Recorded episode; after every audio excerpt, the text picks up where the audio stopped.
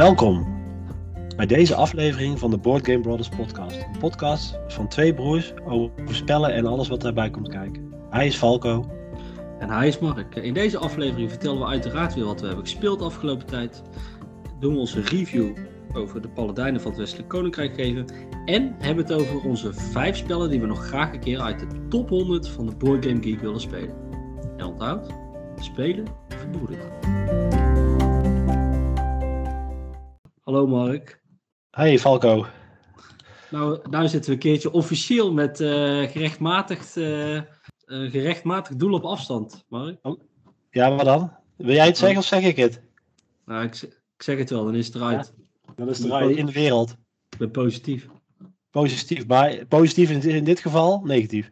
Ja, ja, ja. En dat is de enige positief wanneer het negatief is. Uh, dus ik zit, uh, ik zit gezellig met mijn gezin in quarantaine. En ondertussen hebben we het alle vier volgens mij. Dus uh, super. Ik... Gezellig. Jullie hebben het ook gezellig. maar mag je nou nog de deur... Ik weet, ik weet eigenlijk alle regels niet eens precies meer. Mag, mag je nou nog wel de deur uit? Wij mogen de deur niet uit. Er is gewoon een mannetje die staat gewoon bij jullie voor de deur. Dat niet, maar we zijn best wel... nou, we hadden, we hadden van de week een... of nou, Gisteren hadden we een uh, uitje. Toen gingen we met het hele gezin lekker naar de teststraat in Utrecht. Oh. Nou, heerlijk. Gezellig. Ik zat even in de auto, lekker potje terror voor mijn mars spelen. Vrouw en de kinderen even lekker door de teststraat. Nou, super. super is Leanne, uh, Leanne ook test, getest? Ja hoor, die is ook, ook getest. Hup. Kan niet vroeg genoeg beginnen. Oké. Okay, ja. Ah, nou ja, bij ons, bij ons is het in ieder geval beter, want bij ons zitten er twee aan de buikgriep. Dus uh, Oh ja, die kunnen... En misschien horen de luisteraars het ook wel. Ik ben ook niet helemaal fit, maar ik heb me echt de uh, afgelopen drie dagen helemaal kapot zelf getest. En ik, ja, ik lijk de dans vooralsnog te ontspringen. Ja, ik dus, denk ik, dus... ik heb de laatste paar dagen heb ik vijf zelftests gedaan. ja, In nou, keel en dus, neus. Ik ben dus één, of de school was één dag open en waarschijnlijk ben ik toen besmet geraakt door een leerling. Oké. Okay. Ja. Hey, uh, mag de pret niet drukken? Ik zit nou uh, lekker thuis en voor, uh, vooralsnog allemaal uh, gaat het best wel goed op. En ehm, wij gaan lekker een podcastje opnemen, Mark. Dat is dan wel weer gewoon leuk. Ja, en op een schappelijke tijd. Ja, nou, ook wel eens fijn. We maar met het nieuws beginnen. Ja, nou, ik zag een nieuwtje voorbij komen. Het stelt eigenlijk niet zo heel veel voor. Maar ik heb gezien dat de Nuremberg Spielverlagen gaat de Spiel overnemen als uh, oh. de, internationale, uh, de, internationale spellenbeurs. Uh, dus de Nuremberg is de nieuwe beursorganisator. maar ze hebben beloofd niks te veranderen. Dus okay. eigenlijk verandert er niks. Er wordt wel eens, er wordt wel eens vaker beloofd te veranderen niks, maar... Er zal toch, iedereen die probeert zijn eigen stempel ergens toch op te drukken. Dus, dus wie weet wat voor kleine veranderingen, maar in principe in de grote lijn moet er niks veranderen aan, aan de beurs. Maar ik, uh, ik kwam het tegen en ik dacht van ik deel het toch heel even. Het is toch uh, spelgerelateerd. Ja. ja, en het is natuurlijk deze periode is eigenlijk altijd een beetje uh, een rustige periode hè, voor spellen. Want ja, de feestdagen zijn net voorbij, dus... Ja, Nieuws. Een, be een beetje uit eigen belang probeer ik ook niet te veel de filmpjes te kijken met what's coming up 2022 en welke kickstarters komen eraan en wat dan ook. Want dan ga ik alweer helemaal hotel de wotel. Okay. Dus ik, ik, probeer me daar nog een klein beetje afzijdig van te houden. En als een spel dan daadwerkelijk uh, in de hype is, dan, uh, dan krijg ik het vanzelf wel mee. Ja, dan wordt het vanzelf, uh, komt het jouw kant wel opkomen. Hè? ja, ja, ja, ja. Over, over hypes gesproken. Oh. Ik heb ook nog een nieuwtje. Ik, heb, ik dacht, ja, ik moet toch ook even iets met iets komen. en ik was eventjes internet aan het scannen. En toen kwam ik een, een leuk artikeltje tegen over de kwakzalvers van Kakelenburg. Ja. En nu blijkt het dus dat die Wolfgang Wars, dat wist ik trouwens even, side note, die heeft ook uh, Clever heeft die, of Clever, of hoe, hoe je dat ook noemt, ja, ja. Uh, daar is altijd discussie over. Dat wist ik eigenlijk helemaal niet. maar die heeft hij ook ontworpen, dus nou, goed voor hem zou ik zeggen. Maar er komt nu ook een Kwakzalvers junior editie aan. Ik heb dat voorbij zien komen inderdaad. Dus dan heb je een ezeltje, zie ik hier op de doos staan. En dan moet je naar de markt gaan. En dan eigenlijk hetzelfde principe uh, als uh, kwakzalvers. Dus dat, en dan moet je dus alles in een zakje doen, uh, je fiches. En dan kan hij zoveel plaatjes vooruit het ezeltje. En dat, ja, dat maakt het ook weer... Het is net iets voor een jong publiek. Alleen lees ik er wel heel veel commentaar op. Ja, ik speel al met mijn kinderen, speel ik al kwakzalvers gewoon een normale editie. Maar dat is eigenlijk met veel spellen. Hè, als jij al een... Dat is de hele tijd die discussie over de leeftijd op, op dozen. Als je al vanaf jongs af aan je kinderen ermee opvoedt dat ze spellen spelen. Ja, op een gegeven moment kunnen ze natuurlijk al de, de grote aan in plaats van de junior editie.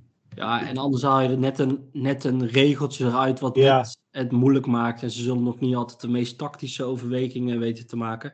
Maar het principe weten ze vaak al wel uh, te doen. Want ja, als jij bij uh, Carcassonne de boer uit het uh, basisspel haalt, dan kan je het ook, kan je het ook met een junior, kan je het ook met, ja. nou ja, niet iedere leeftijd, maar van een vrij jonge leeftijd al gaan spelen natuurlijk.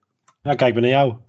Ja, ja. ja jij, bent ook, jij bent ook jong vergeleken met mij, ik kan het ook met jou spelen. Ja, precies. Ja. Hey, en, en hetzelfde berichtje, dat vind ik ook wel leuk om te zeggen, maar misschien dat het al wel bekend is, maar er komt ook een junior editie van Clever aan. Ja. Met leuke, schattige diertjes, diertjes op de voorkant. Wauw. Nou, ik wil het toch even gezegd hebben. Toch even voor de jonge luisteraars onder ons, hè? Ja, alle, alle twee. Uh, een, een, paar mooie titels voor de jonge luisteraars verwachten. Ja. Dus dat is het eigenlijk van mijn kant. Ja, en ik heb eerlijk gezegd ook niet zo heel veel gezocht. Maar ik daag, uh, daag en ik nodig de luisteraars uit. Mochten jullie nieuws hebben voor ons, wat het moeite, de moeite van het vermelden waard is, stuur dan gewoon even een berichtje. Uh, of een mailtje naar info.boardgamebrothers.nl. Want die mail die mag meer gebruikt worden. ja, ja, we vragen er uitgebreid op. ja, maar uh, er, komt, er druppelt wel eens wat binnen, maar wij vinden het mag meer. Oké. nou.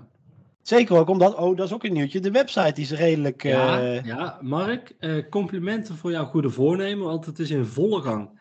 Het is in volle gang. De reviews die, die stromen binnen op onze website. We hadden ze al een jaar klaarstaan. Maar nu staan dat is een detail. Dat is een detail. Nu staan ze er ook daadwerkelijk op, leesbaar voor iedereen. Dus uh, ja, netjes gewerkt, goed gedaan.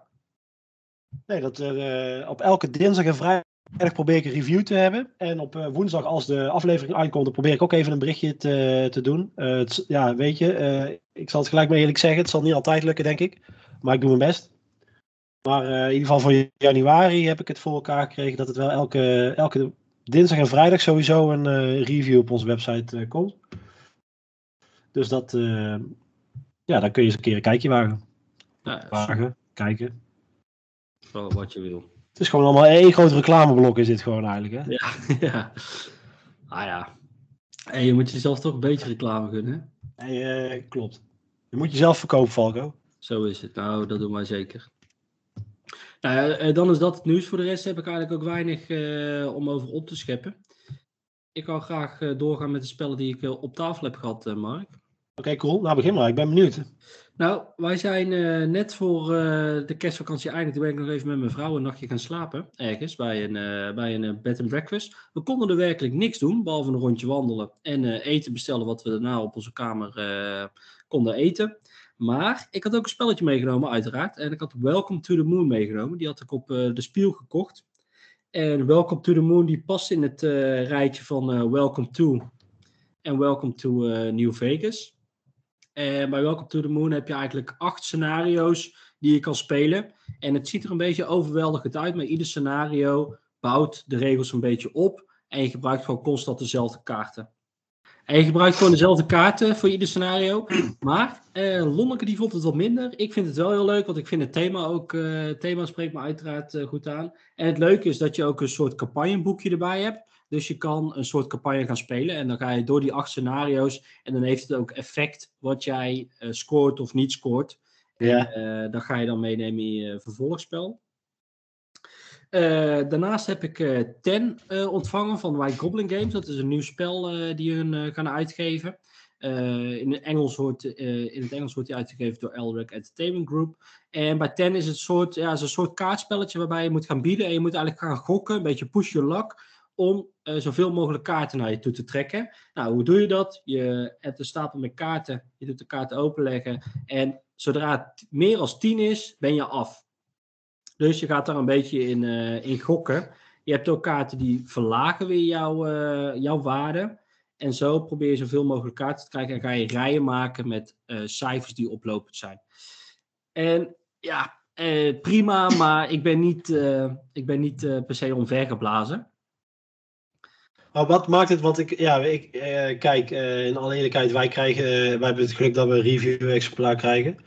andere mensen krijgen ook een review-exemplaar. Daar zie ik dan wel dat ze heel enthousiast zijn erover. Tenminste, voornamelijk, laat ik het zo zeggen.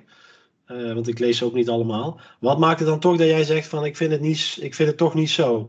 Ja, het, het voelt uh, inderdaad alsof het een beetje te veel geluk is. Dus je, je, uh, het kan zo zijn dat je drie keer aan de beurt bent.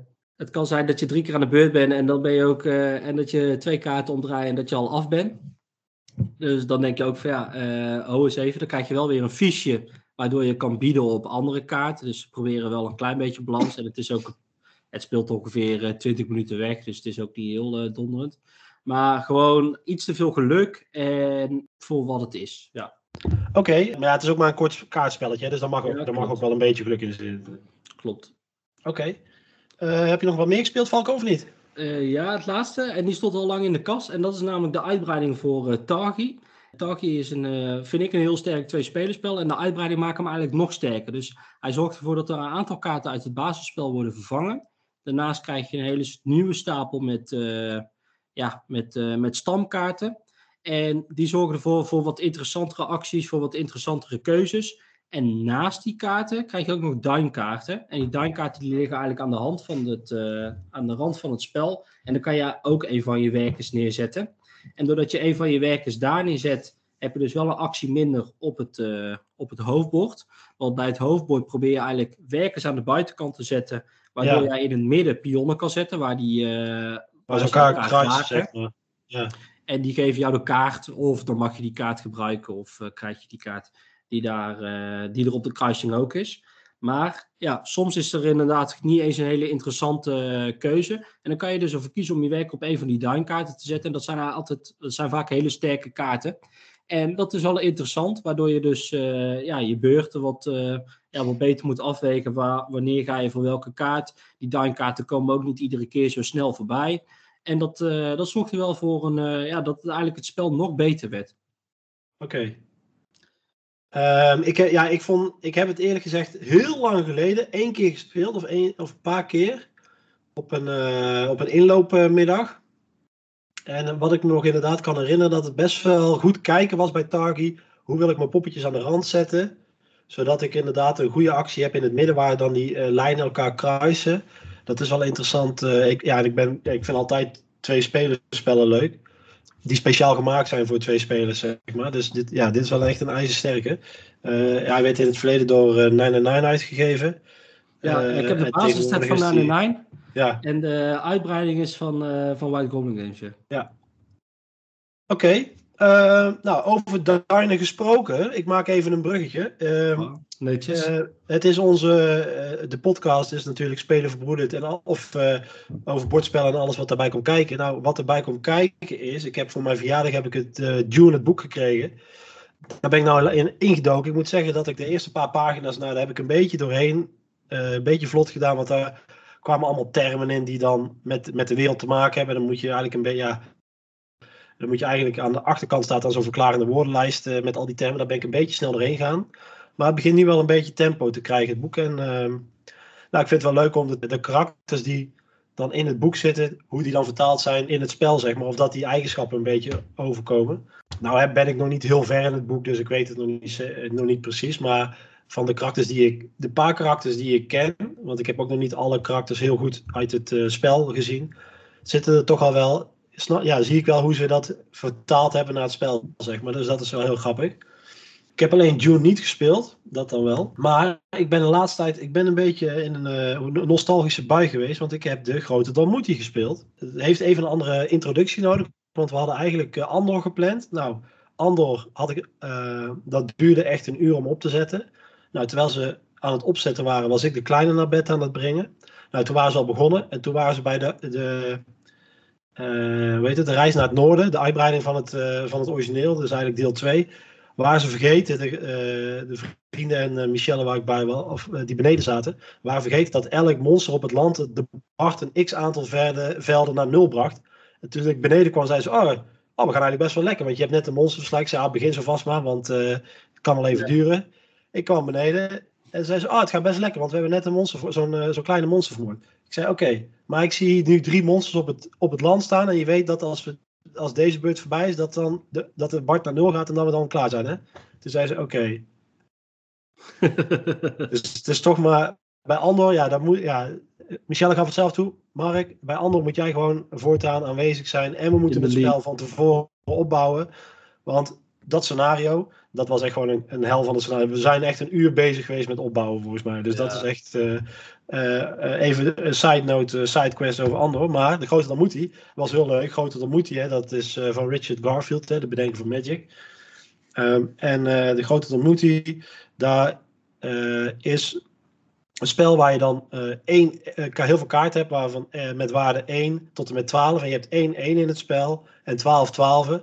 En het doel van het spel is om zo snel mogelijk je hand uit te spelen. En uh, ja, dat kun je doen als jij 5-12 hebt, dan kun je die 5-12 tegelijkertijd opgooien. En dan moet je daar 15 uh, eh, overheen gaan, net zolang totdat iedereen moet passen, zeg maar. En dan degene met de hoogste uh, waarde, of de laagste waarde is het eigenlijk, die heeft dan uh, die slag gewonnen. En dan mag hij weer beginnen. En ik vind altijd, heb ik in mijn student, studententijd heel veel gespeeld. En het, ja, het was weer eens een keer leuk om, om dat eventjes op tafel te, te brengen. En uh, dat wordt tegenwoordig, ik heb nog een oude versie van PS Games, maar dat is, wordt tegenwoordig uh, uitgebracht uh, gewoon door Hasbro zelf. Dus dat is een grote hij. Ik heb daarnaast heb ik ook nog Stone Age gespeeld, het stenen tijdperk. Ik was echt, ik denk van, ah, waar wat kennis uit de wijk waren hier gekomen. Ik denk van, ja, ik wil, zei van, nou, het was maandag, dus ja, maandag is lekker de eerste dag van de week weer, maar kan af en toe wel zwaar zijn die maandag om er gelijk een spel bij te pakken. Nou, weet je, we kunnen kiezen. We kunnen Seven Wonders doen of uh, Stenen Tijdperk. Nou, ze kozen Stenen Tijdperk. En ik vind het nog steeds een heel goed spel. Heeft er misschien ook mee te maken dat ik geluk had dat ik gewonnen had. Maar je merkt toch wel dat er een beetje... Dat je ook wel aan de andere kant zien dat het een oud spel is. En dat bedoel ik vooral dat je zeker met die stenen en dat goud, die velden... Ik weet mhm. niet hoe dat bij jou is, Valk. Jij hebt hem ook, hè, Stenen Tijdperk. Ja dat je eigenlijk nooit met je. Tenminste, ik ga nooit met mijn poppetjes op steen of goud staan.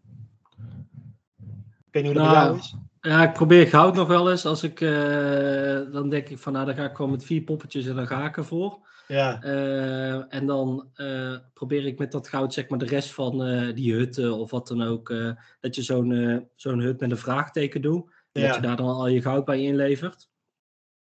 Ja, ik, ik eh. merk zelf gewoon dat, dat ik gewoon, ik, ja, ik ben misschien ook, ik speel heel veel, graag op die kaarten.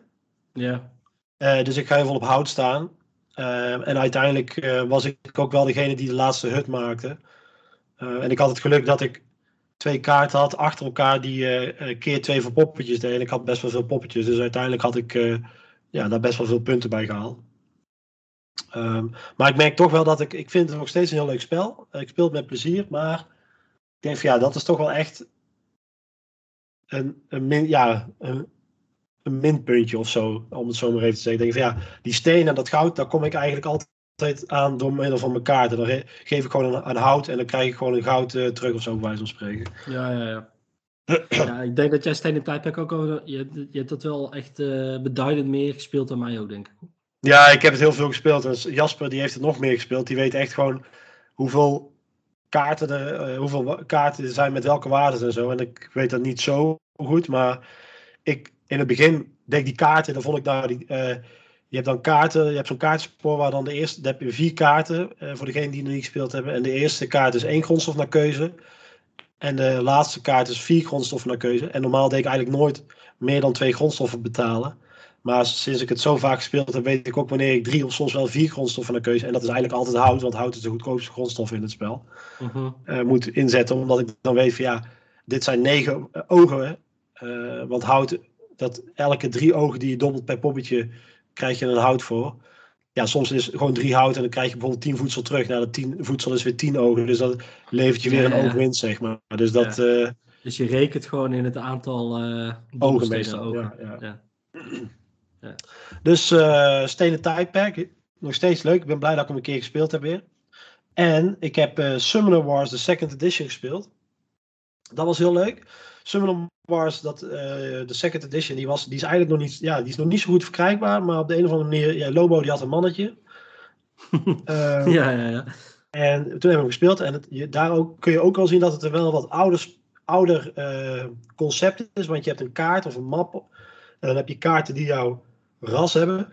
Uh, ik had de goblins uh, en hij had de ondoden. En hij kon dus uh, ja, monsters uit de aflegstapel kon hij weer terug het veld inbrengen. En ik, mijn kracht was dat ik heel veel goedkope monsters had. eh, die ik dus heel snel op het veld kon brengen. En die dan, maar wel met weinig levenspunten. Dus die ging heel snel dood. Dus ik wilde eigenlijk, mijn idee was om het potje zo kort mogelijk te laten duren. Want Mhm. ja, naarmate, hij, naarmate we verder in het spel kwamen, ging hij sterker worden. Eh, nou, toen had ik bijna eh, gewonnen, want mijn, held die kon wisselen met een, een van mijn andere goblins op, op eh, tafel, eenmaal per beurt. En toen had ik hem, zijn held, je moet eh, de held van de andere speler moet jij doodmaken. En ik had hem zover dat ik nog maar drie levens moest hebben. En mijn, mijn held die kon drie dobbelstenen werpen. Dus ik ging op een gegeven moment wisselde ik mijn held, zodat die tegenover zijn held kwam staan. En toen dacht ik van ja, nu gaat het lukken. Gooide ik drie dobbelstenen, drie blanks. Nou ja, dat was een beetje een, een, eh, een verhaal. En mijn, andere, Ja. mijn held had, nog maar één leven. Dus toen was hij heel snel. Ja. Maar het was, een, eh, het was heel leuk. En er zitten dus heel veel. eh, ja, hoeveel zaten er in het basisspel? Zes of acht? En er komen ook uitbreidingen voor. Hij had het al over duivenras. En eh, dat, dat is- speel je met een stel duiven. En elke speelt dus heel anders. Dus dat is heel grappig. En er is ook een app voor, heb ik me laten vertellen. En in die app is elke om zoveel tijd. zijn twee rassen gratis te spelen. Dus je kunt het gratis spelen. Maar dan ja, ben je overgeleverd aan de grillen van de, van de app zelf. Welke ras dan op dat moment beschikbaar is. Mhm. Heel leuk spel. Ik ga hem zeker nog een keer spelen. Dat is Seven Wars Second Edition van Playdead Games. Maar ik ben, heel, ik ben weer helemaal hyped, psyched over Star Wars Legion. Wij hebben in de vakantie, vrijdag van de vakantie, hebben wij een potje skirmish gedaan. Nou, we zouden eigenlijk heel de dag doen. Uiteindelijk zijn we bij een dagdeel geëindigd. Een skirmish potje is 500 punten. Een normaal potje heb je 800 punten legers. Skirmish is ook 500 in plaats van 600 bij een eh, normaal eh, spel. Maar wat hadden we? eh, Ja, ik vond het echt super vet. Dus we hadden, eh, hij had eh, zijn huisje, zat hij. Ik had mijn mat, mat die ik van de speelder had gekocht, had ik bij. Zag er al gelijk weer helemaal chic de Friemel uit. En ik, ik had wel, ja, ik had Boba Fett, die was echt super goed. En ik vind het wel leuk, want een tijdje geleden zijn de regels of de punten zijn aangepast voor de verschillende karakters. Sommige Mhm. die zijn heel erg naar beneden gegaan en andere zijn duurder geworden. En wij zijn niet echt van die competitieve spelers. Maar we spelen wel, eh, ja, we, we vinden het wel heel leuk en we, ja, we spelen het wel serieus natuurlijk. Maar eh Boba Fett, ik heb, daarna heb ik een beetje op die voorraad zitten neus. Nou, Boba Fett eh, vind, is over het algemeen niet heel erg goed, maar zeggen ze. Maar ik vond hem echt super vet, want hij kon dus heel makkelijk over, over gebouwen heen springen. En wat ik zo leuk vind aan het spel, en dat was dit keer ook weer, dat uiteindelijk die karakters, die Star Wars karakters, die stelen de show. Want je hebt dan Boba Fett en er was Endor met, eh, hoe heet die met die robot, Eh, K2SO volgens mij. Daar waren, had ik zo'n stand-off met Boba Fett. En ja, dat zijn dan toch wel de karakters waar Star Wars om draait, zeg maar. Dan had ik mijn Stormtroopers en mijn Death Troopers die supergoed eh aan het knallen waren. Nou, dat was echt, ja, het was echt een... eh, Je eigen Star Wars film aan het ja, spelen. je bent eigenlijk je eigen Star Wars battle aan het maken. Dat met Boba Fett, dat hij met zijn ene hand, dat, die kan dan twee keer aanvallen. Dat is dan weer een speciale eigenschap. Boba Fett, die kan dan met zijn ene aanval, kan hij met zijn vlammen werpen. Kan hij zijn hele squad kapot maken. Terwijl hij met zijn andere hand dan ja, iemand eh, neerschiet met zijn pistool. Ja, dat vind ik echt, eh, ja, ik kan me dat... Dan komt echt wel de nerd in me los dat ik dat zo helemaal voor me zie. Van, oh vet, ik, ik spring over het gebouw heen. Want eh, hij heeft ook jump met zijn rocketpad. En dan daarna flamet hij zo'n hele groep met units in één keer weg. Schiet hij daarna nog eventjes een paar schade op zijn andere held. Ja, was super vet. Dus wij zijn daar weer helemaal in de, de, in de dingen. Want het heeft weer een half jaar geduurd. Dus we, nou hebben we afgesproken dat we in de voorjaarsvakantie eh alweer hebben afgesproken. Dus ja, super vet. En ik had voor het eerst sinds twee jaar weer gewonnen een keer. Dus dat maakte het ah, ja, ja, goed zo. Ja, ik had mijn bounty, want ik had zijn had ik, eh, had ik kapot gemaakt. Ja, heel, ja, was echt vet. Het is echt de moeite waard. Echt, ik vind het echt een vet miniatuurspel. Ja, dat is eigenlijk een beetje wat ik heb gedaan. Nou, dat is goed. Toch? Zeker, zeker.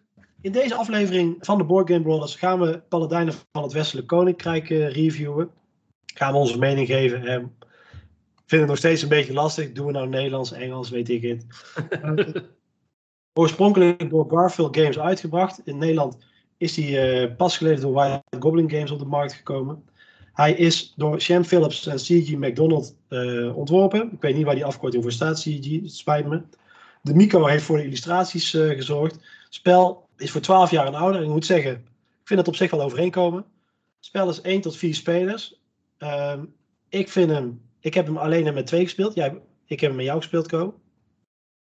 Vind ik ook wel de max, eerlijk gezegd. Dat geef ik al van vooraf aan. En het spel staat hier op de doos dat het 90 minuten duurt. Het is het tweede deel in de serie van uh, Puntje Puntje van het Westelijk Koninkrijk. Architect hebben we al in een eerdere aflevering besproken. Nu hebben we Paladijnen. En als het goed is, neem aan dat wij Goblin Games ook nog het derde deel, Burggraven, een keer uh, uit gaan geven. Maar vandaag hebben we het over Paladijnen van het Westelijk Koninkrijk. Falco, hey, hoe vind je deze? Wauw, nou, ja. goede intro, Mark. Moet vaker. Uh, ja, je moet het vaker doen. Als mensen willen dat ik dit vaker doe, stuur gewoon een berichtje. dan uh, kan ik kijken of dat ik daar uh, ruimte voor vrij kan maken. Ik zal het even een polletje erbij zetten. Ja, even een polletje. Goed zo. Even een polletje. Uh, ja, Mark, tweede deel in het Westelijk Koninkrijk. nou ja, laten we de, laten we de vier stappen weer voorbij gaan. Het thema, wat denk je ervan? Paladijnen, ja, je bent een paladijn, hè, paladin. Ik was bij World of Warcraft was ik heel graag een paladijn. Nou ja, uh, ik vind het thema vind ik altijd wel lastig, maar je hebt gewoon een. Ja, je, je, de paladijn die je elke ronde kiest, die heeft wel invloed op uh, de ronde die je speelt. Dus in dat opzicht is het wel een belangrijk element, uiteraard, want anders heet het ook niet zo. En je gaat uh, op ja, expeditie om het geloof te verspreiden. Dus in zoverre is het, heeft het wel met het thema te maken, maar van de andere kant, het is gewoon echt een ouderwetse knijter harde worker placement. Ja. En dat maakt het thema eigenlijk altijd iets minder uit. Ik weet niet hoe jij er tegenaan kijkt. Het idee met die paladijnen, dat, dat hebben ze heel erg tof gedaan. Uh, of, dat vind ik een heel leuk aspect van het spel. Dus dat je er eentje kiest, eentje leg je af en eentje kan je de volgende beurt nog uh, kiezen. Dat vind ik wel heel erg sterk. En voor de rest, ja, is het meer ook, uh, je, je plaatst ergens een werker en daardoor mag je ergens anders een huisje neerzetten en, enzovoort. En heeft het verder weinig uh, met elkaar te maken, vind ik. Ja. En dan, ja, dan heb je nog een koning die, uh, die je te vriend moet houden. Maar ja, ik, heb, uh, ik had niet het, het, nou, het ging niet om het thema, maar vooral inderdaad in dit spel gaat het echt weer om het worker placement mechanisme. En hoe ze dat geprobeerd hebben in een nieuw jasje te stoppen. Ja. Componenten, die, die zitten er genoeg in in de doos. Ik dat is zeker waar. De doos zit chockvol. Aan de ene kant vind ik het jammer dat ze, dat ze het spelersbordje eigenlijk dat is eigenlijk jouw hoofdbord. En het hoofdbord, dat ziet er een beetje lullig uit. Ik had daar liever ook uh, plek gezien dat je alles daar netjes neer kon leggen. En nou ligt alles er een beetje half langs en naast. En het oogt een beetje rommelig. En juist je spelersbordje, dat vind ik wel, uh, wel fijn. Want je hebt dus eigenlijk gewoon... Iedereen heeft zijn eigen spelersbordje. En daarop moet jij je werkers gaan plaatsen. En ja. dat ziet er op zich allemaal wel netjes uit. En ook de kaarten zien er allemaal netjes, uh, is allemaal netjes vormgegeven hoor. Dus dat is allemaal prima. Alleen qua, qua verhouding en het hoofdbord had van mij wel meer hoofdbord mogen zijn. Nou, inderdaad. Ik vind, dat vond ik wel echt... Het zag er een beetje semier uit. En dan komt nog eens bij dat, ja, dat, ik, dat klinkt heel stom misschien. Maar dat het ook uit twee delen bestaat. Dat vind ik ook een beetje raar. Tenminste, ja, ik snap wel waarom dat gekozen is. Want anders, zo kun je het op deze manier kun je het goed in de doos stoppen. Ja. Um, maar het voelt niet echt... Ja, ik weet niet. Het, het, het mist inderdaad wat uh, table presence. Ja, ja. En natuurlijk, als jouw uh, bordje een beetje vol ligt en je hebt er wat workers op liggen, dan ziet dat er best wel leu leuk uit. Maar dat hoofdbord, dat blijft er een beetje rommelig en uh, ja, een beetje, ziet er gewoon een beetje stom uit.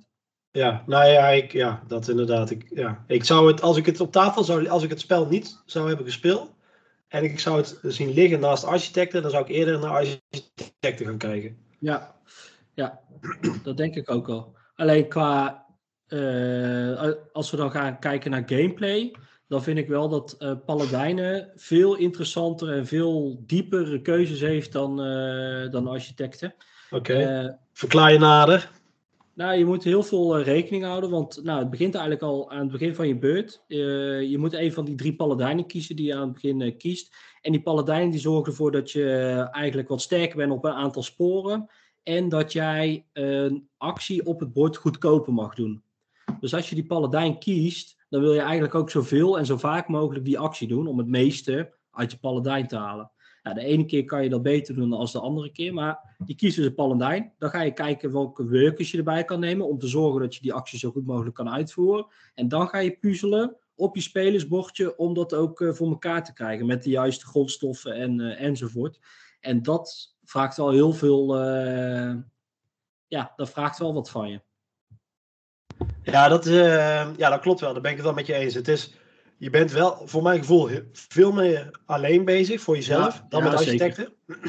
Zeker. Ik merk toch wel dat ik het veel met architecten vergelijk, ook omdat het in dezelfde serie zit. Ja, er zijn zo ontzettend veel keuzes die je kunt maken. En dat maakt het wel. En daarom vind ik ook dat, je- dat wat ik eerder heb gezegd, dat je het, ik vind hem het fijnst met maximaal twee. We hebben hem ook eerlijk gezegd, maar ook met z'n twee gespeeld. Nou, drie zou nog kunnen misschien, maar vier zou ik deze ja, bijna niet spelen. Of zeker zelfs niet met. Zeker niet als ik dan nog twee mensen het voor het eerst moet uitleggen of zo, weet je wel. Mhm. Dan zou ik het eerder dat ik weet, oké, ik heb met hun heb ik het allemaal al een keer gespeeld. En dan, dan zou ik misschien nog wel een potje met z'n vieren wagen, omdat er zoveel keuzes zijn. En ja, soms wil je een actie doen.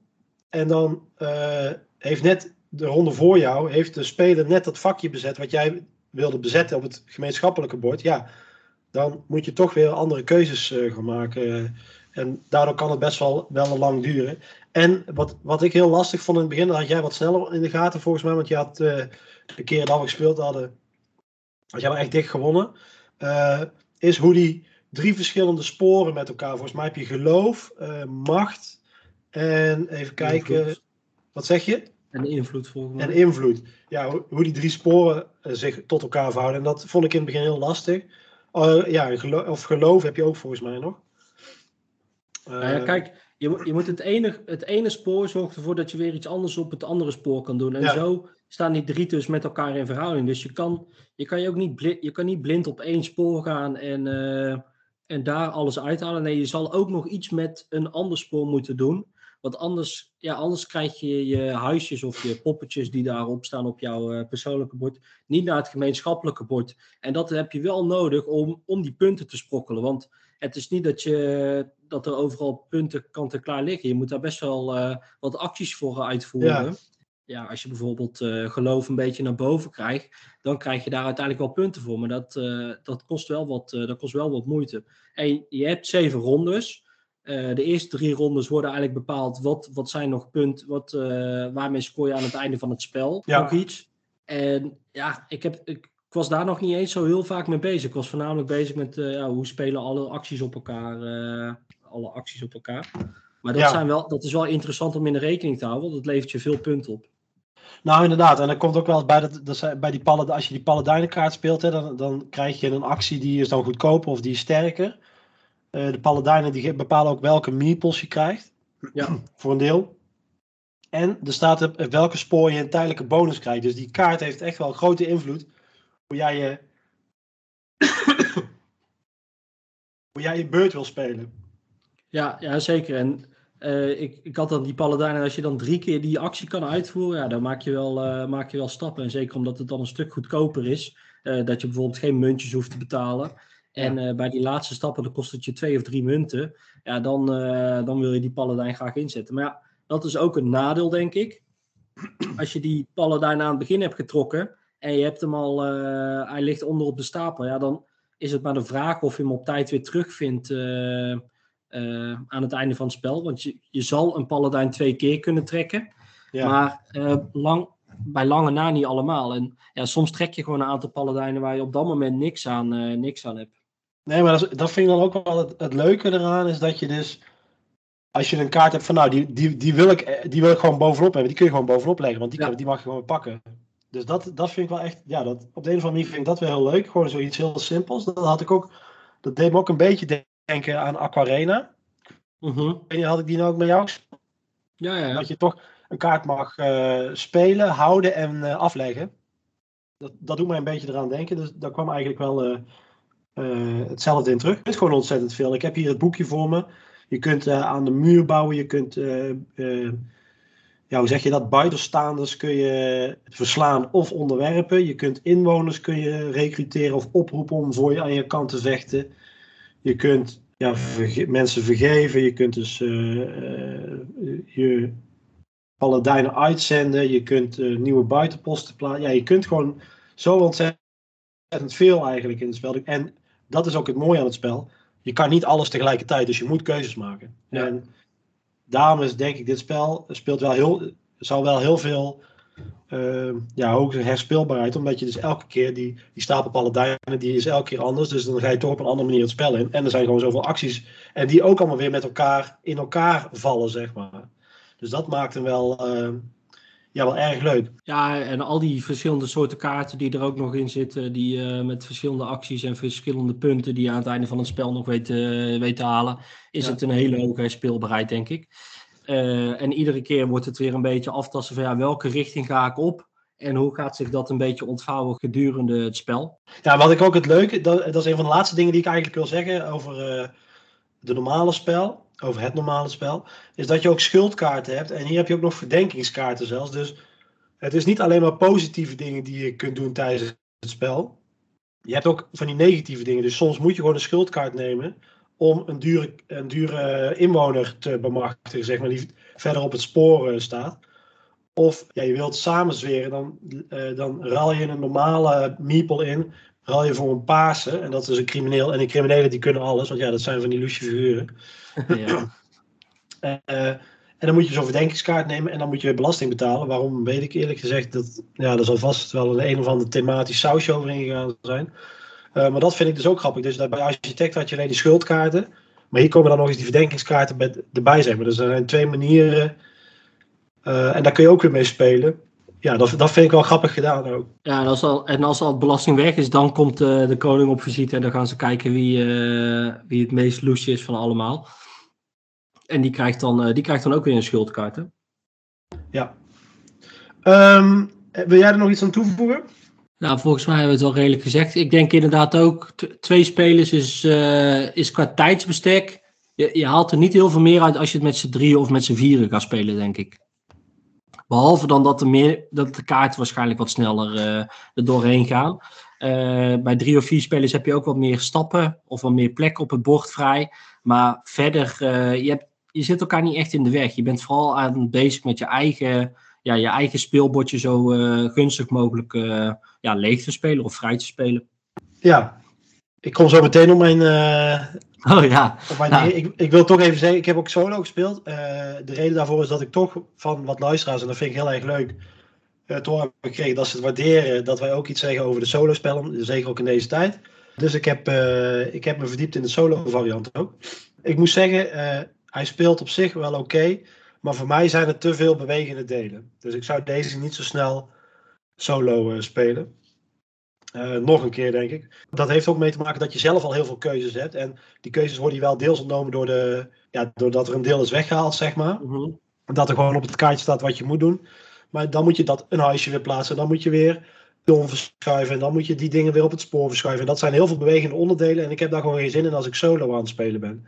Ik wil nee. gewoon het is voor mij net, voor solo is het net te veel bewegende onderdelen. Als je begrijpt wat ik wil. Ja, nou ja, ik denk bij, vaak bij een solospel is het gewoon dat je je eigen actie wil doen. Dan wil je een kaart trekken van een stapel en die zegt van ja, dit doet de andere speler. En daarna ben jij weer zo snel mogelijk.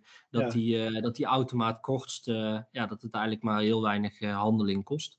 En dan vind ik dus bij architecten vind ik dat beter. Oké, okay, ja. Dus als je veel solo speelt, dan zou ik misschien eerder voor architecten gaan. Maar dan kom je ook wel een beetje weer bij mijn eindoordeel. Ik vind deze qua gameplay vind ik wel leuker. Maar dat, is, dat maakt hem heel erg dualistisch in mijn, in mijn hoofd. Hoe zeg ik dat? Wauw. Wow, wow, Dat ik, ik vind architecten vind ik er leuker om, de, om uit te zien. En je hebt wat meer interactie met elkaar. Nou, ik denk dat het... Uh architecten was in die optiek wat vernieuwender. Met dat uh, een worker placement waarmee je heel veel workers begint.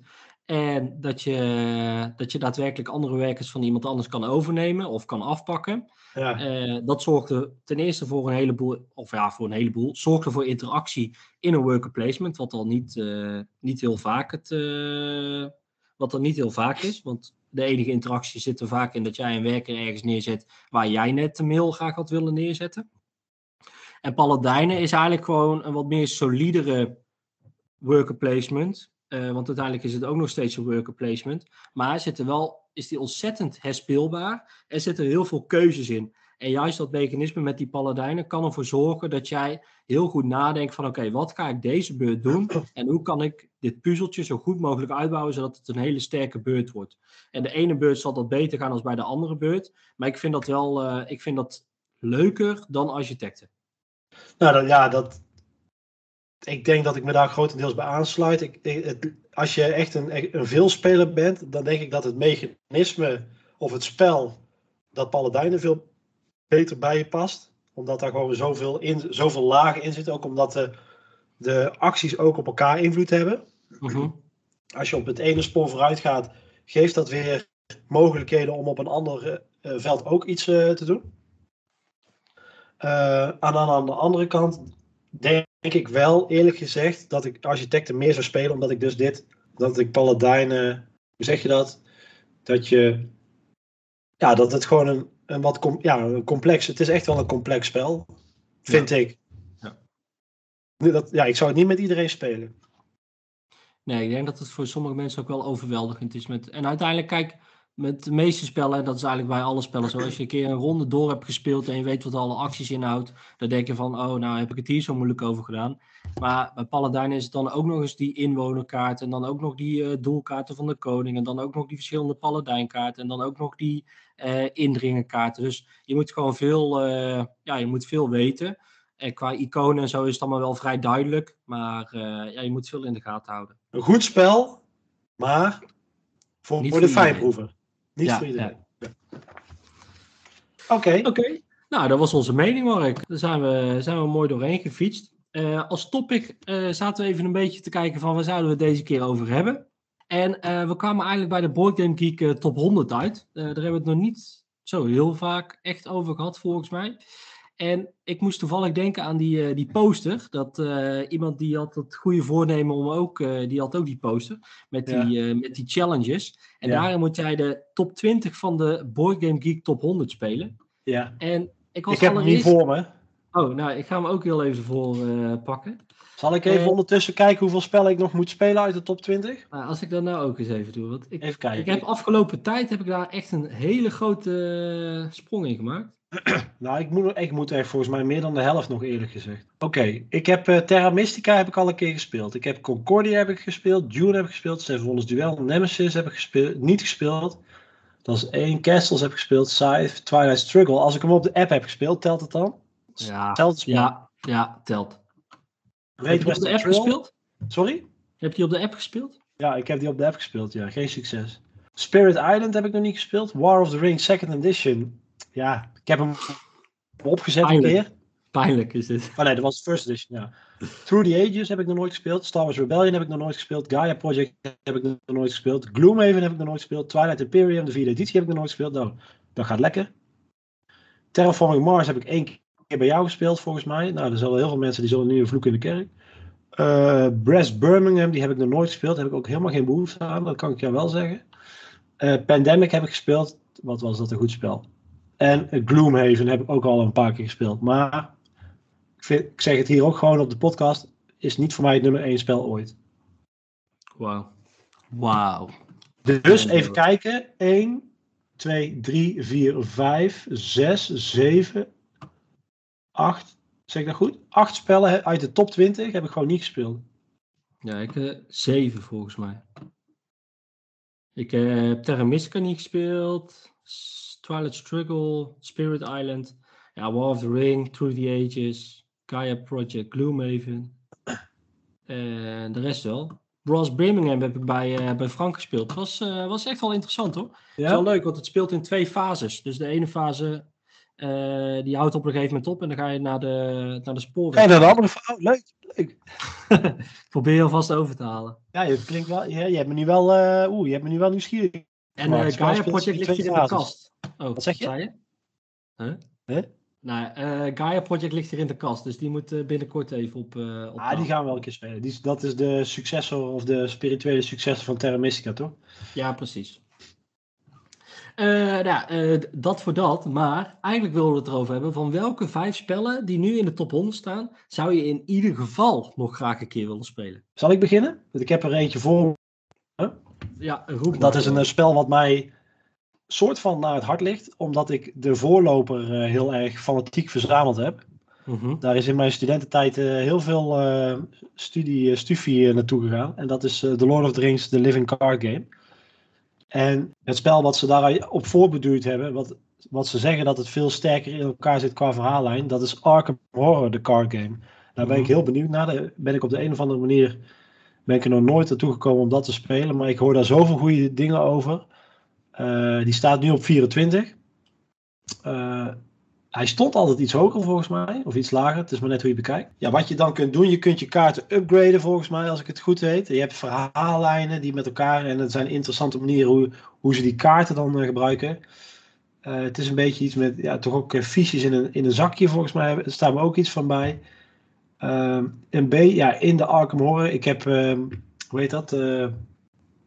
Mansions of Madness eh, Second Edition heb ik hier liggen. Echt een heel vet spel. Helaas komt het niet zo vaak op tafel.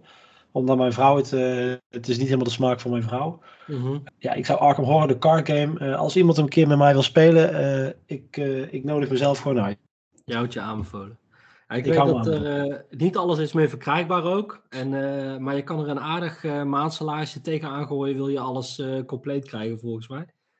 Ja, ze hebben het nu ook, ze hebben het, op de, ze hebben het ook nieuw, eh, dat hebben ze bij Lord of the Rings Ja, ook klopt gedaan. ja. Dat ze het op, op een andere manier zijn gaan uitgeven. Dus je hebt niet meer maandelijks elke keer een verhaal en dat je dan een paar kaarten krijgt van voor elke held. Maar je kunt nou twee booster boxen eigenlijk kopen. Waar je, je kan of een heel verhaal kopen, wat normaal in zes eh, boosters zat. Eh, en je kunt alle onderzoekerskaarten bij elkaar kopen. Dus je hebt eigenlijk nog maar in plaats van zes kleine dingetjes, heb je twee grote dozen. En dat doen ze nou ook bij Lord of the Rings, wilden ze dat volgens mij ook doen. Oké, want ik weet ook dat ze, ze hebben nu een nieuwe startdoos ook. Dat je gelijk alle kaarten genoeg hebt om, eh, om een fatsoenlijk deck mee te bouwen. Want eerst moest je eigenlijk twee, eh, twee core, eh, twee basisdozen kopen. Maar dat hebben ze nu, nu ook aangepast. Ja, je kan, en ze zijn ook van plan, maar dat, daar zijn we toch over Lord of the Rings, maar dat maakt me niet uit, want Die, die heb je. ik heb trouwens, oh, dat moet, ik, ik heb tegenwoordig, we hebben nu een website, dus ik kan dat gewoon niet zeggen. Ik heb een filmpje van Stephen Colbert gezien over de 20, 20-jarige jubileum-editie van Lord of the Rings. Er was een rap met alle hoofdpersonen van eh, Lord of the Rings. Ik zal hem in de show notes zetten, dat kan ik tegenwoordig gewoon doen. Dus eh, ik zal dat YouTube-filmpje nog zetten, eh, naar jou doorsturen, Falco. Echt een super vet filmpje. Oké. Maar dat is terug naar Arkham Horror. Die wil ik nog wel een keer spelen. Oké, ja, ik heb hier eh Clank Legacy voor me staan. En eigenlijk eh, wil ik nog geen nieuwe Legacy starten zolang ik eh, er nog met drie of vier bezig ben. Maar Clank die staat al best wel lang op mijn lijstje. En ik heb gehoord dat dit een hele leuke, leuke Legacy waarin je constant stickers en kaarten aan het verscheuren bent en wat dan ook. Hij is, ook, hij is niet heel goedkoop. maar er zit ook een deckbuilding principe in. En een leuk thema zit erop. Dus dat, daar ben ik heel erg benieuwd naar. Eh, nou ja, dat eigenlijk, ja. Oké, eh, dus als iemand eh, Want ik heb, met jou ik heb- Clank Legacy wil spelen, jij houdt je aanbevolen. ja, ja, maar ik heb, ik heb het basisspel van Clank ook nog nooit gespeeld. Dus eh, ik weet dat je in ieder geval, eh, je kan naar de diepte gaan. Hoe verder je gaat, hoe kostbaarder eh, de, spullen zijn die je ligt. Die probeer je weer terug naar boven te halen. Maar er gaan ook blokjes in een zak. En als er te veel blokjes van jouw kleur eh, uitkomen, dan ben je af. En eh, ja, dat is een beetje push your luck met deckbuilding principe. Ja. En, eh, en als de legacy klaar is, hou je een goed spel over wat je kan blijven spelen. Dat vind ik ook wel, eh, dat vind ik wel een, eh, ja, vind ik wel heel erg goed. Oké, cool. Ja, dat, dat, dat, is, dat, is, dat is zeker leuk. Ik wilde eigenlijk van laag naar hoog gaan, maar ik ga toch eventjes een sprongetje terug. En ik wil toch nog een keer heel graag Twilight Imperium de vierde editie spelen. Gewoon omdat het, het ik denk niet eens dat het een spel is. Het is gewoon een, meer, ja, voor mijn gevoel is het, is het meer dan een spel. Het is gewoon echt een, act, ja, een activiteit. Is Misschien wat, juist wat downgraden, maar het is gewoon een ervaring om dat eh, te spelen. Lijkt me net zoiets als je War of the Ring of Star Wars Rebellion eh, speelt. En dat is van Fantasy Flight. Ik heb begrepen dat de vierde editie wat gestroomlijnder is dan de derde editie. Jij hebt hem al een keer gespeeld. En eh, gewonnen. hè? Ik En dan, ja, ik, ik, Sebastian die vertelde het nog eventjes van de week. Ja, snap ik. Maar dat is ehm, ja, gewoon een space opera. Is het. Je hebt zoveel verschillende rassen. Je moet met zoveel dingen. Het is, het is een beetje diplomatie. Het is oorlog voeren. Het is, maar ook niet echt. Want het is vooral de dreiging, heb ik me laten vertellen. Want ja, als jij oorlog voert, dan ben je het zakje. Ja, ja dat is, dat is eh, eigenlijk het grappige. Want eh, ja, eh, dat is. En nou ga ik het vergelijken met een spel waarvan je denkt: van ja, wat, eh, wat doe je nu? Maar dat is met Risk ook. Degene die er het beste voor staat, die krijgt eigenlijk iedereen op zijn dak. Dus je moet eigenlijk zo lang mogelijk dat je een beetje in de middenmoot blijft en dat je niet opvalt. En dat je dan ineens een paar eh, stappen kan maken. En dan ook nog een beetje geluk, want je zit ook gewoon met dobbelstenen en wat dan ook. je, je kan diplomatieke afspraken met elkaar maken. Nou, dat is ja, dat zorgt vooral voor heel veel dreiging. Maar echt conflict, dat uh, ja, is... En dat is ook in, ja, en dat is ook in mindere mate wat je ook in June hebt. Hè? Dus dat je af en toe ook wel uh, dreigt met, uh, met je troepen inzetten. Maar ja, dat is daar nog wel keer, keer 10 of keer 100, zeg maar, bij Twilight Imperium. Dus die wil ik ook zeker op mijn lijstje zetten. Ja, plan, er een, plan er een dag vrij voor, Mark. Oké, okay, wordt heel lastig op het moment, maar we gaan het proberen. Oké. Ehm, ik ging uh, een klein stukje verder en dat is uh, Food Chain Magnet. Uh, niet om zijn uiterlijk, want ik vind het er heel erg lelijk uitzien. Maar het is wel van Nederlandse makelaardij. En in Food Chain Magnet ga jij proberen jouw food imperium op te zetten in een beetje een Amerikaanse setting qua dat artwork zit er wel heel erg duidelijk in. Maar het, ziet, het is blijkbaar een heel zwaar uh, strategisch spel. Waarbij een zet ook fataal kan zijn. Maar dat lijkt me wel heel erg interessant. Het is heel lang niet voorradig geweest. En ik zag laatst dat hij weer leverbaar is. Maar ook dit is geen, geen goedkope titel. Ja, dat. Food Chain Magnet. Van de heren van Splotter. Die hebben nu binnenkort komen, komen ze met een nieuw spel wat er een beetje op voorbeduurt. Dat is Horseless Carriage. Dat gaat over de invoering van de auto. Uh, ja, ik had Food Chain Magnet had ik eigenlijk ook om dezelfde reden gedaan, Falco. Maar omdat jij hem hebt gezegd, zeg ik hem lekker niet. Waar ik hem wel, ik scroll heel even door. Waar had ik hem gestaan? Zien op nummer 53 op dit moment. Max vs Minions. Mm Die zou ik ook wel heel graag van Riot Games. Dat is uh, bekende, hoe zeg je dat, uitgever van videospellen. En ze hebben ook een keer een woordspel uitgebracht. Zwaar overgeproduceerd. Ja. Uh, met super vette minis. En het is eigenlijk een soort uh, tower defense volgens mij, waar constant minis op het bord komen. En je moet je met je helden moet je proberen uh, ja, het zien te overleven volgens mij. Nou, het ziet er echt prachtig uit. nou, ja, ze hebben gezegd van nou, we gaan één keer brengen we dit spel uit. Volgens mij hebben ze het gewoon, ja, wat ik, al, ik heb het al drie keer gezegd, maar het is zwaar overgeproduceerd. Ja, het ziet er prachtig uit. en het schijnt ook nog eens een enorm leuk spel te zijn. Dus ja, wat wil je dan nog meer? En het, is ook elk, ja, het bouwt zich ook een beetje voort. Elke missie is, wat, wat ik ervan begrepen heb, is ook weer net iets moeilijker. Dus een soort verhalend concept zit erin. Um, ja, het spreekt me wel enorm aan. Lekker, uh, ja, lekker chaotisch ziet het er ook uit.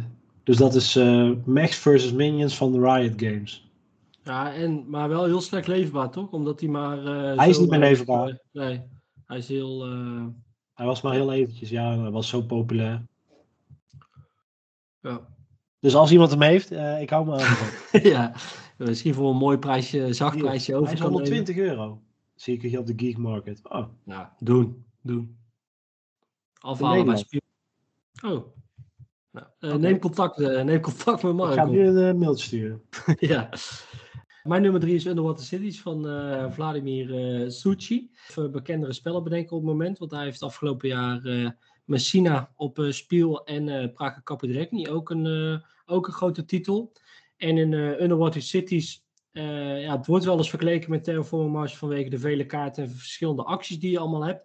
Maar uiteindelijk is het een, is het een heel ander spel. Je probeert voor je eigen een onderwaterstad te bouwen. En de kaart die gaan ervoor zorgen welke, je, welke acties je allemaal kan uitvoeren en of ze sterker worden. En voor de rest zou ik niet weten hoe het precies speelt, want ik heb het nog nooit gespeeld. Oké, okay, ah, vet. Ah, het is ook uh, natuurlijk wel een beetje het thema dat je of een kolonie bouwt op Mars, of uh, een kolonie bouwt op de zeebodem. Ja, ja, ik zie dus dat je, je kan een domes op je spelersbordje neerleggen en daarmee kan je ja, kleuren fiches ernaast leggen. En die zullen waarschijnlijk ervoor zorgen dat bepaalde acties steeds sterker worden. Oh, je hebt me valken met kleuren fiches, denk je. Ik ga dit spel echt zeker uitproberen. nou ja, en je hebt doops, hè? Ik zeg het toch nog eventjes bij. Doops, en het wordt, uh, het wordt goed gewaardeerd. Dus, ja, volgens mij wordt het ook best wel gepimpt. Oh, dat zal wel. Dat zal wel. Uh, Underwater Cities in ieder geval. Oké. Okay. Uh, ik ben al bij nummer 4 volgens mij. En dat is Lisboa van Vlada. Oh nee, dat is hem niet.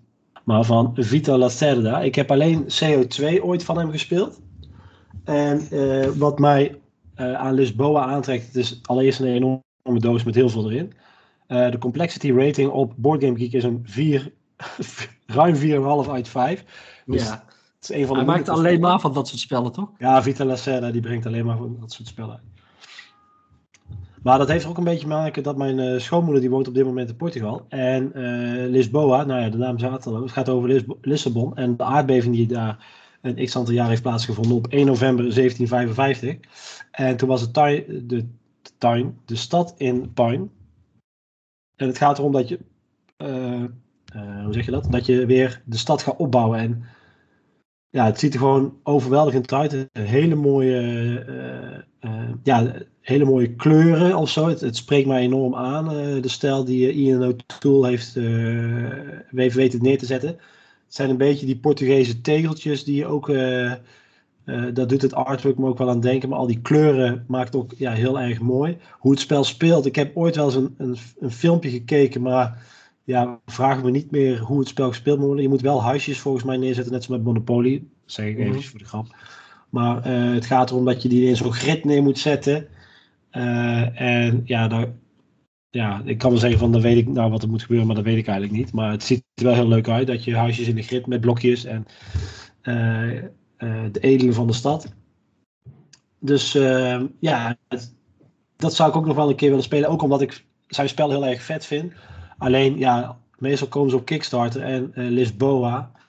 Ik ga heel even kijken hoe bij de spellenboer in Nijmegen hoe duur die is. Volgens mij is die ook 150 euro. Wat? Nou, hij is wel meer dan. Hij is wel heel duur, Lisboa. Hier, kan hem, ja, toch wel 120 uh, eh, euro. Nou ja, daar, daar krijg je ook wel wat voor, een volle doos. Maar uh, ja, ik ben heel benieuwd hoe die speelt. Lisboa van uh, Vital Lacerda.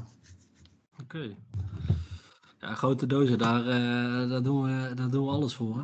Uh, even kijken, ik zat bij de volgende te kijken. Mijn nummer 4 is Aliens End. En vooral omdat het een. ik heb hem nog nooit gespeeld, maar het is een, het is een deckbuilder.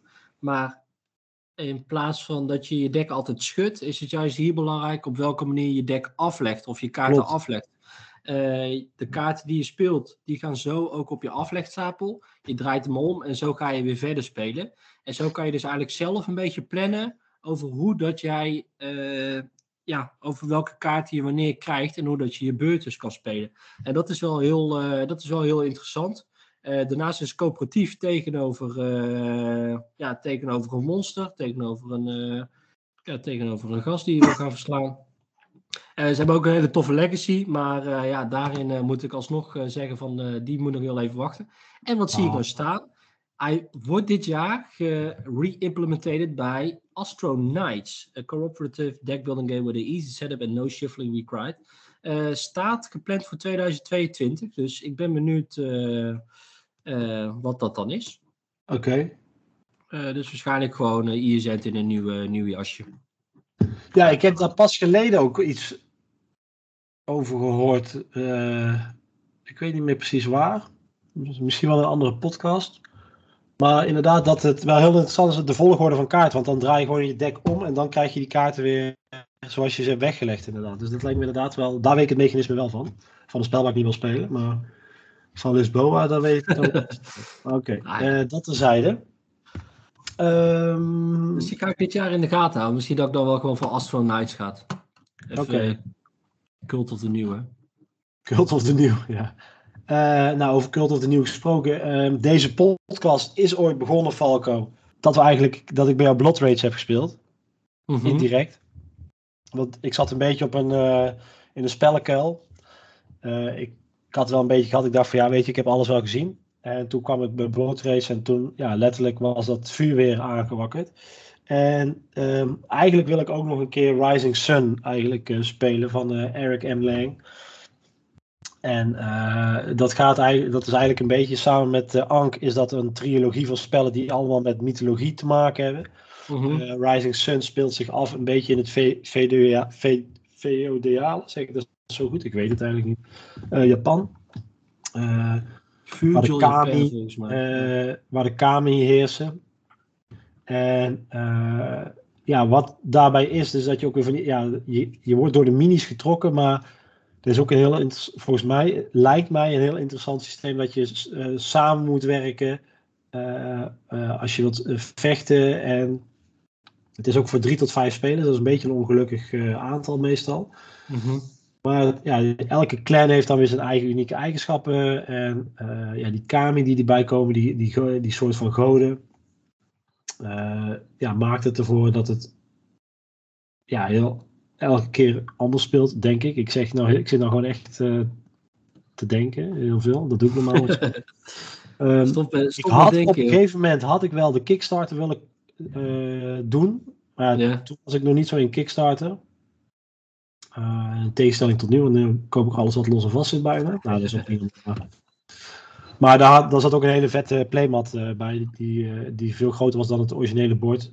Ja, het ziet er gewoon ja, prachtig, prachtig ontworpen uit. En dat is Rising Sun van Eric M. Lang. Het- Trekt Rising Sun je meer als eh, Ank? Of, je wilt Anker net zo goed toch wel een keer proberen? Ja, Angst staat ook nog één niet in de top 100. Nee, oké, maar... Maar ik denk dat ik Rising Sun wel eerder wil proberen dan Ank. Gewoon om- ook omdat misschien de setting trekt me meer. En eh, ja, vooral dat denk ik. Oké, dan eh, dat, was, eh, dat was jouw nummer 5. Dan ga ik, dan ga ik mijn nummer 5 noemen. En Mark, jij kan me daar wel, wel aan helpen. Want dat is namelijk Dominant Species die ik heel graag een keer wil spelen. Oké, die, heb jij die, ja, die heb jij in je kast liggen. zeker. En, maar ik weet ook dat het, een, dat het even. Dat het spel ook eventjes duurt, dus dat hij niet zo heel snel op tafel ligt. Eh, je hebt allerlei kegeltjes, houten blokjes en dat soort dingen. En ondertussen probeer je dus jouw, eh, jouw monster of jouw eh poppetjes. jouw soort, Falco, jouw jouw soort. soort. Ja, jouw goed monster. mogelijk te evalueren en te zorgen dat hij het goed doet tussen alles en nog wat. En ja, ik hoop dat jij mij daar graag een keer in wegwijs wil maken. Gaan we doen. Maar het, ja, het is echt ook. Het is echt jammer dat het zoveel. eh dat het zo'n lang spel is.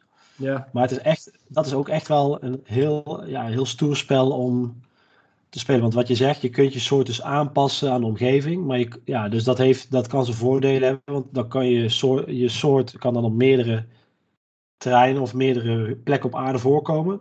Ja. Maar je hebt ook die dominant kaarten die eh, ervoor kunnen zorgen, of acties die ervoor kunnen zorgen dat het gebied verandert waar je in eh, zit. Dus dat, eh, ja, dat de elementen waar het om draait, dat die veranderen, waardoor je dus je soort weer heel snel uit kan sterven. En je hebt dus, aan de ene kant wil je de meerderheid in een gebied hebben, maar aan de andere kant wil je ook het best aangepast zijn. Want, Zodat Als je, zo goed mogelijk op ieder land kan zitten. sorry? Zodat je zo goed mogelijk op ieder soort tegel kan zitten eigenlijk. Ja, die meerderheid. Je hebt eigenlijk in het spel twee manieren van meerderheid. Je, hebt, je kan dominant zijn, dan ben je het best aangepast aan de omgeving. Dan kun je een dominantiekaart eh, kopen. Maar je kan ook de meeste blokjes hebben eh, in dat gebied. En dat zijn dus twee verschillende dingen. Dus als jij een tegel wil scoren, dan kijk je naar blokjes. Dat is jouw soort. En als je naar die kaarten kijkt, dan kijk je juist weer wie heeft de meeste punten op het, eh, op het aangepast zijn, zeg maar. En dat Mhm. zorgt ervoor dat het heel ja, dynamisch is. Want ja, één fiche of één, één element veranderen, dat kan al hele verstrekkende gevolgen hebben. En dan komt nog eens bij dat er nog een, een eh, de ijstijd die breekt eigenlijk aan. Dus het ijs breidt zich langzaam uit over het bord. En er worden dus steeds grotere delen van het bord worden als het ware onbewoonbaar. Eh, dus daar moet je ook weer rekening mee houden. Dus ja, dat is echt, er komt heel veel samen. Het is gewoon eigenlijk een worker placement spel. Ehm, ja, het ziet er super droog uit met wat jij zegt, die blokjes en die kegeltjes. Maar ondertussen vertelt het wel echt een heel, ja, heel vet verhaal, biologisch gezien. Ja, ja. Ja, klikt, ja, klikt dus heel erg goed. Ik ben, eh, ik ben eh, benieuwd. nou, dan moeten we zeker, eh, gaan we zeker een keertje doen. Goed voornemen voor dit jaar, Dominant Species een keer spelen. Ja, we, ja, we maken allerlei goede voornemens.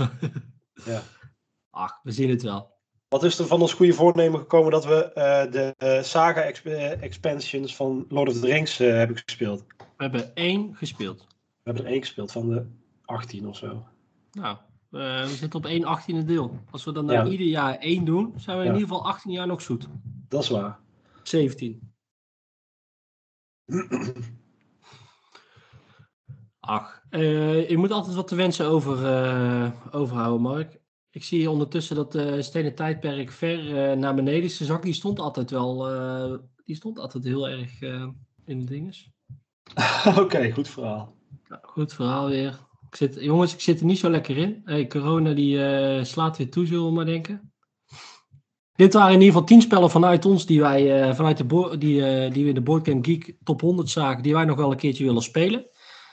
Eh, daarnaast, ja, eh, niet ieder spel wat in de top 100 staat waarvan ik denk van nou, moet dit er nou in staat. Eh, maar ja, ik ga er gelukkig niet over. Gelukkig niet. Anders zou het een hele andere. Nou ja, valt ook allemaal wel mee. Ik zit het allemaal weer groot te maken als dat het is. Nou, Valken, volgens mij heb jij best wel een invloedrijke stem in uh, sportspellenland. ja, nou, ik denk dat dat wel meevalt. Maar ik hoef die stem ook helemaal niet te hebben, jongens. Oké. Ik hou het lekker, eh, ik hou het lekker hierbij. Eh, ik, ga, eh, ik ga denk ik gewoon lekker afsluiten, Mark. Oké, ja, doe maar jongen. Of wil jij nog iets, wil jij nog, wil je nog iets kwijt? Nou, ik wil kwijt dat de luisteraars natuurlijk, eh, als zij vragen hebben eh, aan ons of over nee. ons, altijd een berichtje kunnen sturen. Dan heb je er weer. Eh, of een mailtje naar info.boardgamebrothers.nl of een berichtje laten op onze website. Want ik krijg alleen maar van die spamberichten. en het zou ook wel eens heel leuk zijn om eens te krijgen. Ei- Eigenlijk klinkt het heel zielig, hè? Dat je een soort van smeekt om... Nou, ik wil zeggen dat de website wordt al wel langzamerhand eh bekender. Dus dat is wel leuk. Oké. Nee, maar het is gewoon grappig. Eh, hey, Falco, we blijven het gewoon zeggen, want is gewoon het riedeltje wel even afwerken. Ja, zo is het. Jongens, bedankt voor het luisteren in ieder geval voor, voor deze aflevering. Misschien was ik niet helemaal op mijn best, maar het, het zei zo eventjes. Ik vond het in ieder geval leuk om even weer iemand te spreken. Eh, Mark, bedankt voor het aanschuiven in Graag eh, al jouw eh, drukte daar. We hebben in ieder geval deze aflevering weer aangegeven wat we hebben gespeeld. We hebben onze mening gegeven over Paladijnen van het Westelijk Koninkrijk. En zijn even langs de Game Geek Top 100 gegaan. Als je nog iets wil laten weten, stuur in ieder geval een berichtje naar Mark. Zodat hij zijn mail kan openmaken. En, eh, en er een leuke verrassing in staat. En dan rest maar niks dan eh, jullie nog een hele fijne dag, avond of eh, ochtend te wensen. Het is maar net wanneer je deze podcast luistert. En je ermee. Houdoe en tot ziens. Doeg.